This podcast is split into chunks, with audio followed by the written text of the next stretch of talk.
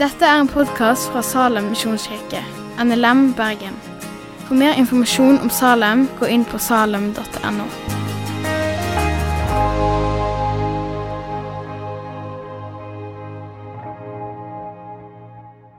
Herre Jesus, vi takker deg for alle de menneskene som du sender i vårt sted, som kan være med og peke litt på, på hvem du er, og gir oss plass og rom.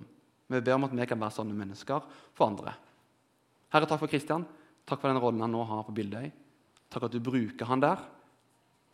Og du utruster nye kristenledere og entreprenører og alt det som du trenger i ditt rike, Herre, for å, for å utbre ditt rike. Det er ikke det vi som holder på med, det er det du som holder på med. Men takk at vi skal få lov til å være med på det som du gjør. Vi ber om at du er med Kristian nå.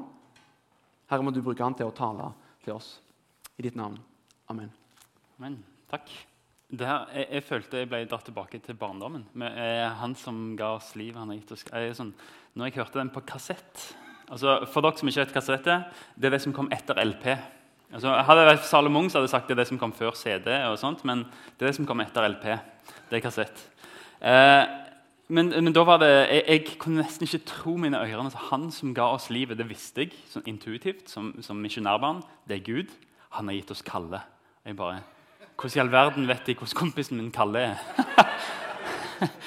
det var et stort spørsmål, mamma. Kjenner vi Kalle? Eh, så, så, det var en sånn egen sang der det var liksom bare Gud, du har gitt meg Kalle. Det var helt sånn herlig. Og så har jeg òg ei eh, det er en litt annen greie. men samme greie. Jeg har ei niese som heter Sanna.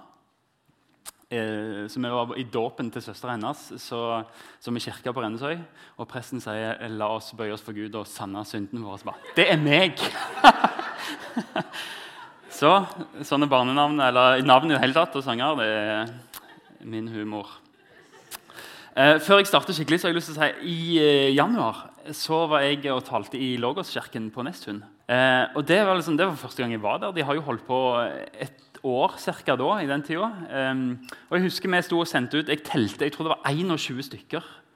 Vi sendte fra vår gudstjeneste, altså fra Salem, vi sendte 21 stykker for å være med og replante eh, det som var Nesttun Indremisjonsforening, eh, som nå er blitt Logoskirken. Det gjorde vondt når jeg så hvem som sto oppe på scenen, og hva folk det var, og hvor sentrale de var, så så jeg at dette, dette, dette koster oss mye.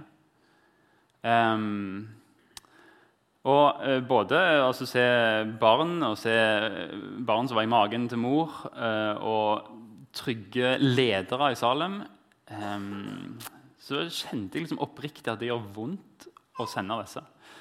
Uh, og Så var jeg der og talte, og jeg så de samme folka igjen. og Jeg ser de uh, steppe opp som ledere. Og så var det litt sånn fascinerende. Der jeg så mange av de som har gått i Salem i flere år, som ikke har, så lenge jeg har vært her, ikke hadde tjeneste i Salem. Som, som kom, som var her, og som gikk. Plutselig ser jeg de står i tjeneste, har en mikrofon, har trommestikker i hendene. Og ikke bare det, jeg så også folk som hadde gått i Salem for lenge siden, som jeg har sett og snakka med og sett glidd vekk fra Salem og ikke var i fellesskapet vårt plutselig sitte på rad nummer to og si 'Her går vi. Dette er vår plass'. Og Det gjør vondt å sende dem, men en ser noen frukter. Og, og, Det har jeg bare lyst til å si, fordi jeg vet at um, det kan være vi merker det ennå. Søndagsskolen merker at noen er vekke. Og kanskje merker teknisk team at noen er vekke. Og i det hele tatt, Men det har blitt til noe. Eh, og Jeg også snakker med noen som sier dette med sånn, ja, er dere nye her. Ja, vi har ikke gått med henne før. Dette er samboeren min.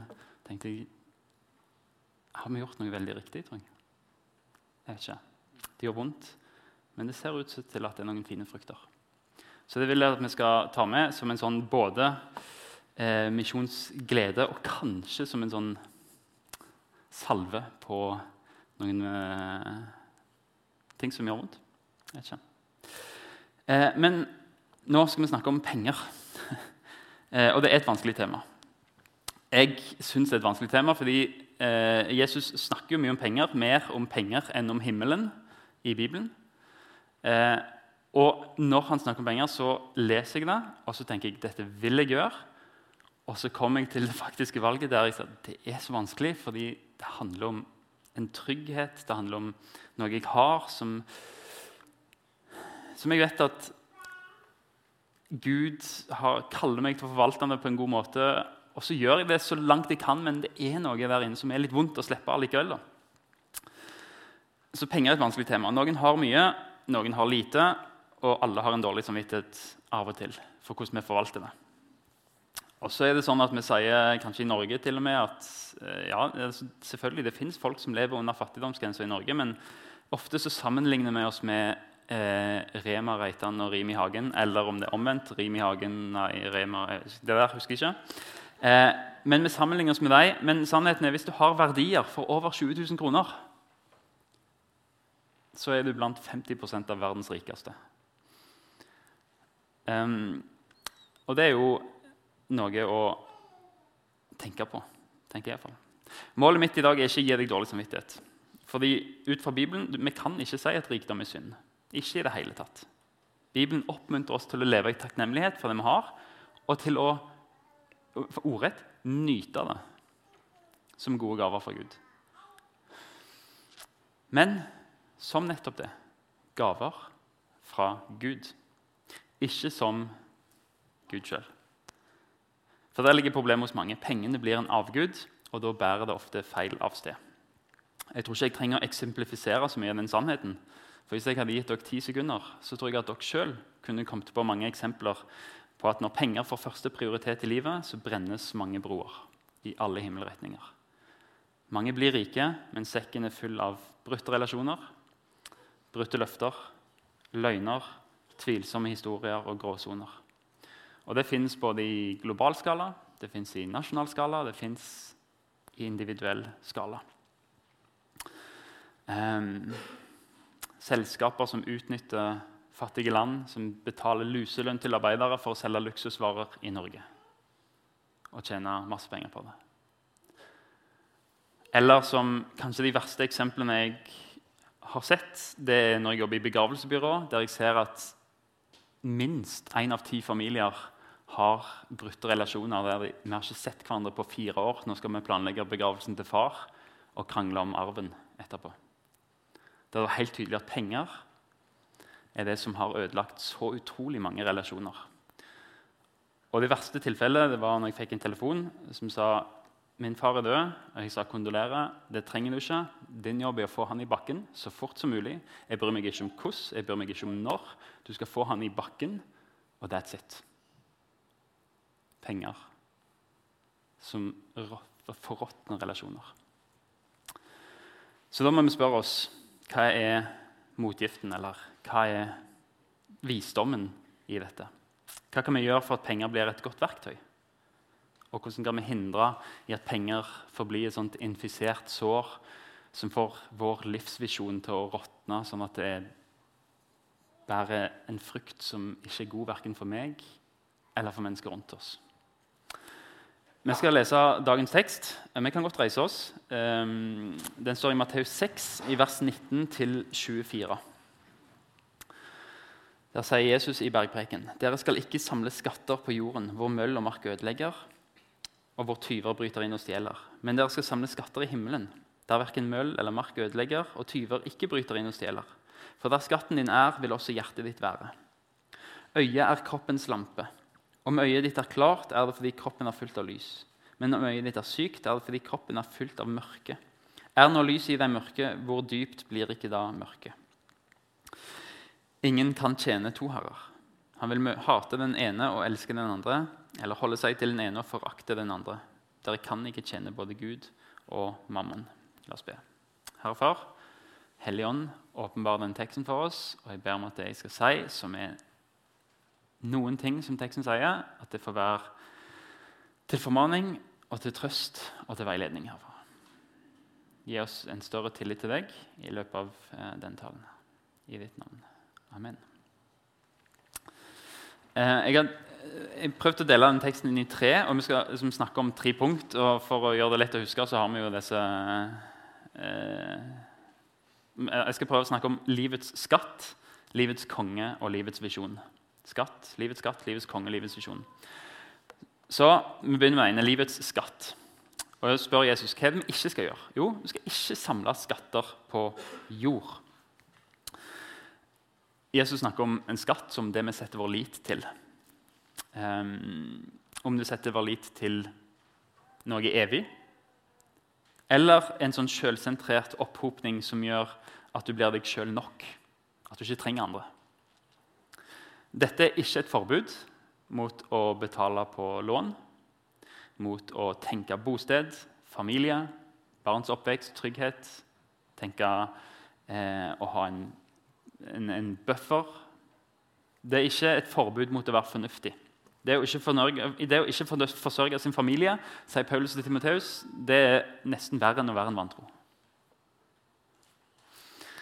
Men Jesus advarer oss mot et begjær som styrer retningen på vårt liv innover.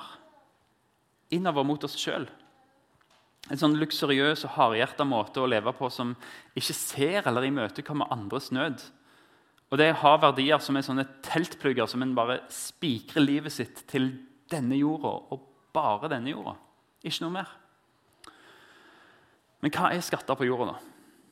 Jesus sier klær, som kan bli ødelagt av møll eller tørketromler. Metall som ruster.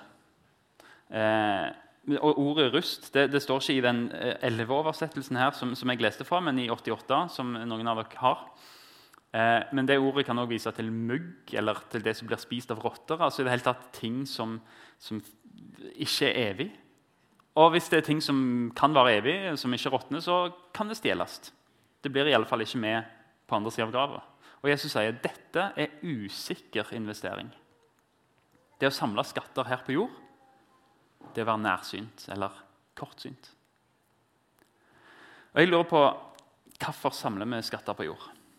Jeg tror kanskje at en del av svaret er at vi elsker oss sjøl veldig høyt. En sånn form for narsissisme der en har lett for å miste himmelen over livet. Miste, miste evighetsperspektivet. Fordi penger kan gjøre så uendelig mye for oss sjøl. Og jeg hadde av og til tenkt liksom, Er det sånn at det er vanskelig for meg å gi? Er det sånn at det er vanskelig for meg dette med, med penger fordi jeg elsker meg sjøl mer enn han som har skapt meg og andre mennesker?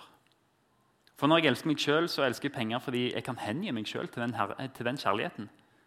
Jeg elsker meg sjøl, så elsker jeg penger fordi det gjør at jeg trenger ikke fornekte meg sjøl. Jeg, jeg, har råd til det som jeg vil ha, det som øyet begjærer. Og kanskje elsker vi penger fordi vi elsker oss sjøl. For kjærlighet til penger det er en sånn livsstil som glemmer evighet, som blir egoistisk, eh, som prioriterer nåtida, og som fokuserer mer på komfort her og nå enn på livets utgang. Så Jesus advarer oss mot den typen opphopning, den typen samling. Og Så sier han men vi skal samle skatter i himmelen. Og Hva er det for noe? Jo, det er uforgjengelige skatter. I en jødisk litteratur, i en jødisk kontekst som Jesus sto i, så refererte skatter i himmelen til det som er godt, det som gir evige konsekvenser av det som gjøres på jorda. F.eks. rettferdige gjerninger. Eller det å lide for rettferdighets skyld eller lide for Kristi skyld. Eller det å tilgi andre mennesker. Eller det som hjelper oss til å utvikle en karakter som ligner på Jesus. Fordi til syvende og sist så er det bare det vi får med oss til himmelen.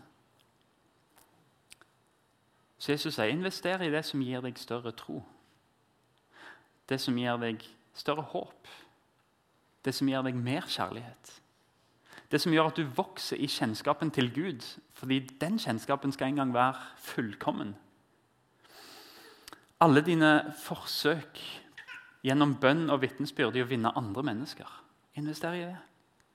Bruk penger for å spre evangeliet. Det eneste som varer evig, det er skatter ingen kan stjele. Og Jesus sier det er den sikre investeringen, som helt sikkert vil gi avkastning. Og Så kommer læreren Jesus som sier ting på veldig få ord, som er evig sant, og som nesten ingen kan fornekte. Der skatten din er, vil hjertet ditt være. Så logisk. Så tydelig, så klart. De tinga du setter høyest i livet, de som får høyest prioritet, de som får plass i hjertet ditt, senteret for personligheten, for sinnet, for følelsene, for viljen, det blir det som dirigerer livet ditt. Det som dirigerer verdiene dine, retningen din. Så da blir spørsmålet hva er det som er den skatten? Hva er livets skatt? Hva er det du samler opp? Er det verdier som vender deg innover mot deg sjøl? Eller verdier som vender deg opp og ut mot evigheten? Hva er livets skatt? Så skal vi ta det andre punktet livets konge. Hvem er det? Jesus sier ingen kan tjene to herrer. For enten vil han hate den ene og elske den andre, eller han vil holde seg til den ene og forakte den andre. Du kan ikke tjene både Gud og mammon. Igjen så kort, så enkelt. Du kan ikke tjene Gud og mammon. Jeg tror en ateist kan være enig i det. Fordi det fins en del ting i kristendommen det en del ting i denne boka her som gjør at hvis vi skal følge det, så er det noen ting vi må forsake. Det går ikke an å være dønn materialist og følge dette her helt og holdent. Hvis du vil hjelpe fattige, hvis du vil være til hjelp for yngre, så er det en del forsakelser i tid og krefter og ja, penger som en må gjøre. Men hvis en vil tjene så masse som mulig, og det er livsmålet, så er det en del av dydene her som en faktisk må droppe.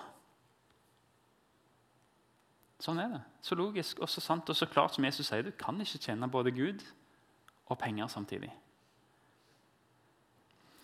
Her er Gud og penger portrettert som ikke arbeidsgivere, men som slavedrivere. Som slaveeiere. En kan gjerne arbeide for to arbeidsgivere, det er jo mange som gjør. Men i slaveriet så er det én eier.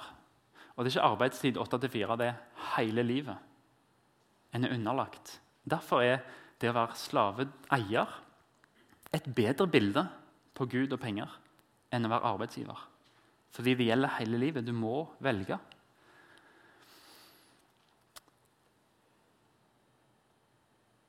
Vi kan aldri si at penger i seg sjøl er noe vondt. Penger kan være et bra verktøy. Men penger er en lunefull og ond og dårlig gud. Penger som Gud eller Gud som penger vil kreve mer enn du klarer å gi. Mer tid, mer innsats, mindre hvile, mer kynisme. Mer, mindre tid til, eh, til, relasjoner, mer løgn, mer gråsoner. Mer, mer, mer. Penger er en Gud som krever at du ofrer mye på alteret for at du skal være trygg. Men du kan velge en annen sjef. En sjef som er sjenerøs en sjef som elsker verden så høyt at han gir seg sjøl. En sjef som er så overstrømmende rik på barmhjertighet og nåde. En som bare vil deg det beste. En Gud som har gitt oss et fantastisk skaperverk med uendelige farger og detaljer. En Gud som, som gir av glede sier Abraham, stjerne på himmelen, jeg skal velsigne deg og slekte deg. Du skal bli så mange. Jeg vil være med deg. En som gir et helt folk frihet fra slaveri. Som gir håp. Så I midt i håpet så kan du juble av glede, for jeg har et håp for deg som er uforgjengelig, som ikke forgår, som ikke råtner. Jeg har en Gud som er så sjenerøs at han gir seg sjøl og sier 'jeg blir menneske'.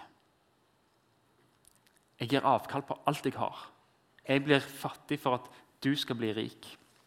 En som gir oss tilgivende nåde gjennom korset. En som gir oss ubetinga kjærlighet, et farshjerte. En som gir oss veiledning, og som har gitt oss dette fellesskapet, som sier 'Her vil jeg plante deg'. Jeg vil at du skal vokse i dette fellesskapet. Jeg har frelst deg, og her er et fellesskap som du kan være i og vokse i. En som gir oss daglig nåde, en som gir oss en evighet, et håp. Han som ble fattig for at vi skal bli rik. Jesus sier du, du har et valg. Du har en Gud som tar mer av deg for å få mer makt over deg. Og han gir deg skatter som råtner. Eller du har en Gud som overøser deg med velsignelser for å gi liv og skatter som ikke kan forgå, ikke engang i døden. Og det er en selvfølge at disse her to kan du ikke velge begge. De går ikke overens. Den ene krever deg, og den andre inviterer deg.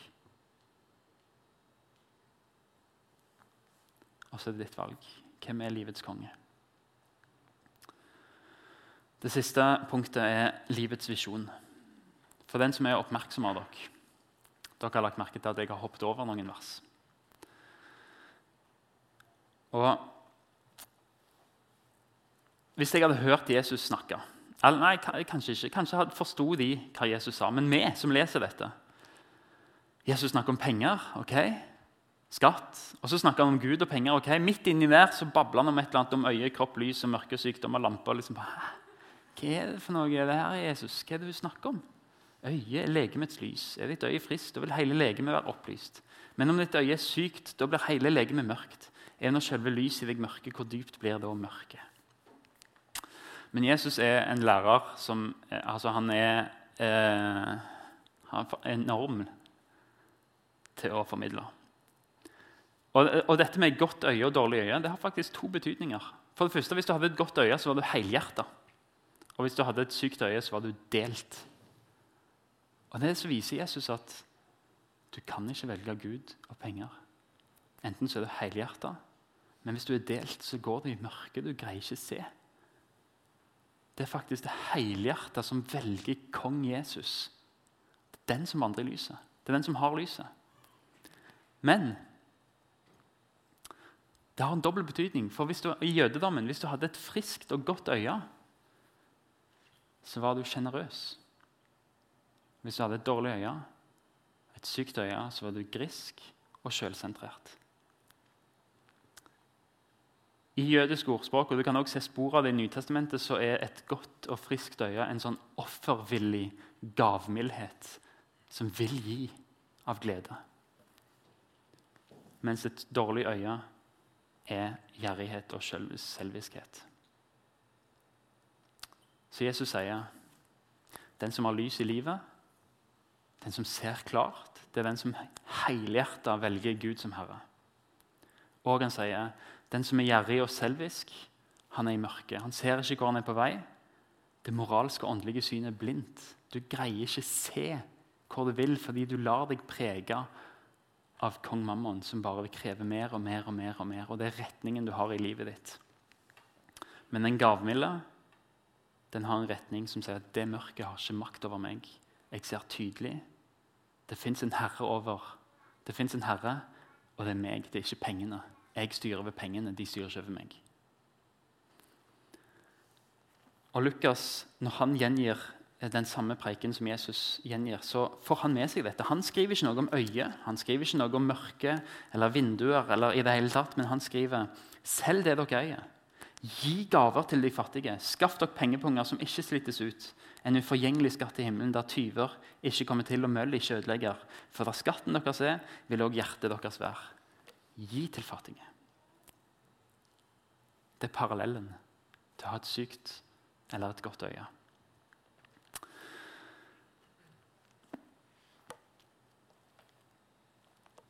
Visste dere at det å gi til fattige i jødedommen det ble sett på som en lur investering? Når du ga til noen som trengte det, ga brød, ga husly, ga penger til en fattig, så lånte du penger til Gud. Og du kom til å få igjen med renter. Ikke her, men en annen plass. Og Vi har noe av det samme i ordspråkene 19, 17. Den som hjelper den fattige, låner til Herren, som vil lønne han for det han har gjort. Skatter i himmelen.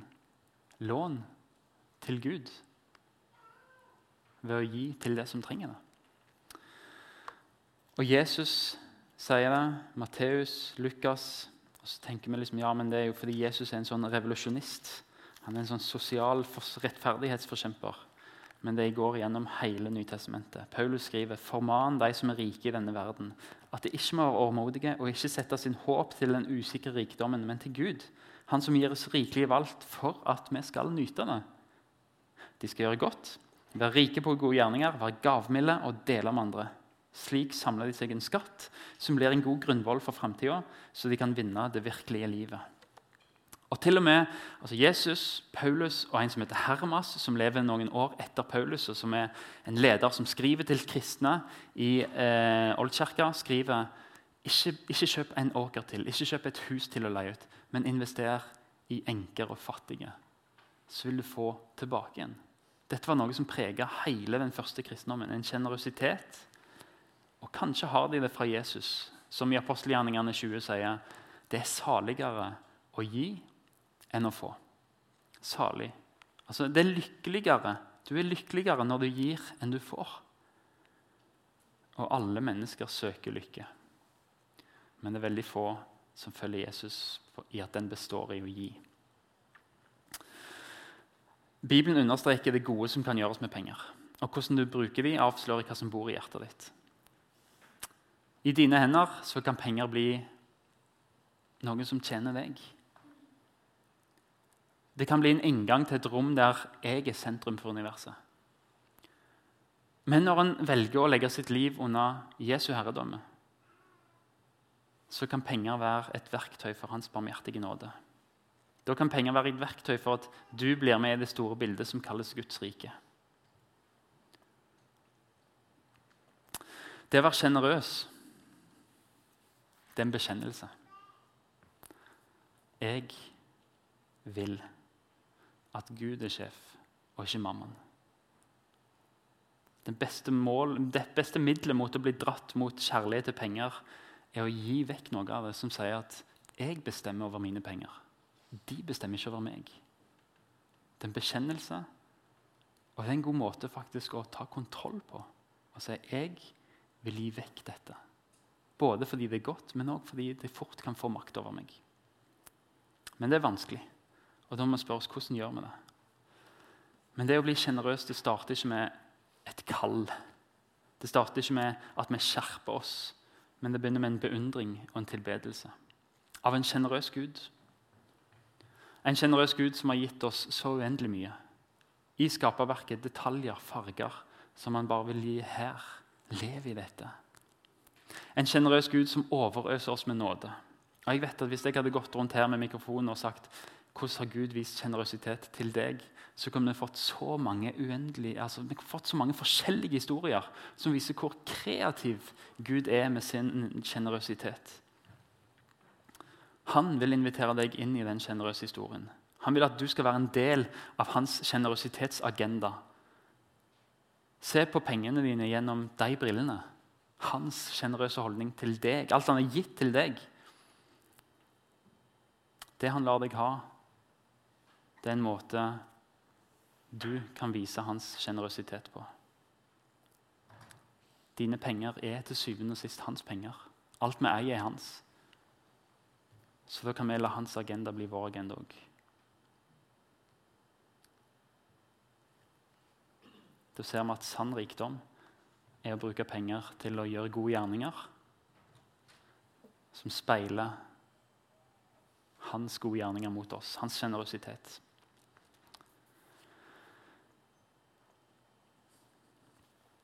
Alle jordlige skatter er sånn at hver gang du får tak i noe, så må du dø litt.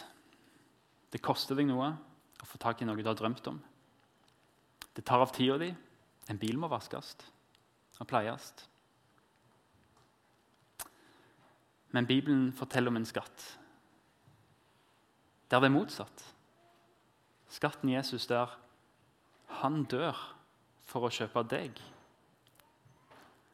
Alt du gir verdi her på jord, vil si du må legge ned ditt liv for å få meg, for å bruke tid på meg, for å kjøpe meg. Men hvis Jesus blir din verdi, så sier han jeg legger ned mitt liv for å sette deg fri fra alt. Han hadde alt. Han var Guds sønn. Han hadde status, han hadde identitet, han hadde verdi, men ga fra seg alt på korset og mista alt. Men han døde for noe. Han døde for noe som han syntes var verdt å kjøpe. Fordi du er verdifull for han. Han tenkte hvis jeg bare får kjøpt han, hvis jeg bare får kjøpt hun, så er sjøl korset en pris som er verdt å betale. Sånne heltefortellinger i dag de handler ofte om en fattig gutt som blir rik, og som viser for hele verden at jeg er verdt noe. Men det er helt motsatt med evangeliet. Det forteller oss om Jesus som var ufattelig rik, men som ga avkall på alt det og for å dele den rikdommen med oss, for å invitere oss inn. La det være en heltefortelling som preger deg, som gir deg trygghet og identitet, men også som preger alt det du eier, og hvordan du forvalter det. Skal vi be en bønn? Herre Far, du har gitt oss så uendelig mange løfter. Du har vist oss en så stor trofasthet. Og du elsker oss uendelig høyt, alle på jord. Og så er du allvitende, og du vet hvordan vi fører våre liv og våre eiendeler. Dine gaver er mange, og din nåde er rik. Hjelp oss bruke disse gavene rett og forvalte dem på en måte som det merkes at vi er tent av din ild, Jesus. Lær oss å elske hverandre og se hva det er du har meint med at vi har det vi har, at vi bor der vi bor, og hjelp oss å vitne om Jesus for fjern og for nær, til å samle skatter i himmelen. Og Helligånd, vis oss Jesus. Vis oss hans godhet, hans makt, hans sjenerøsitet, og led oss til å bli mer som han. La oss bli til hjelp for deg, som du viser oss trenger en hånd. Gi oss lys til å se, gi oss friske øyne til å se nøden, til å gjøre noe med den. I ditt navn. Amen. Takk for at du har hørt på podkasten fra Salem, Bergen. I Salem vil vi vinne, bevare, utruste og sende. Til Guds ære. Vi ønsker å se mennesker finne fellesskap, møte Jesus og bli disippelgjort her i Bergen og i resten av verden. Vil du vite mer om oss, gå inn på salem.no.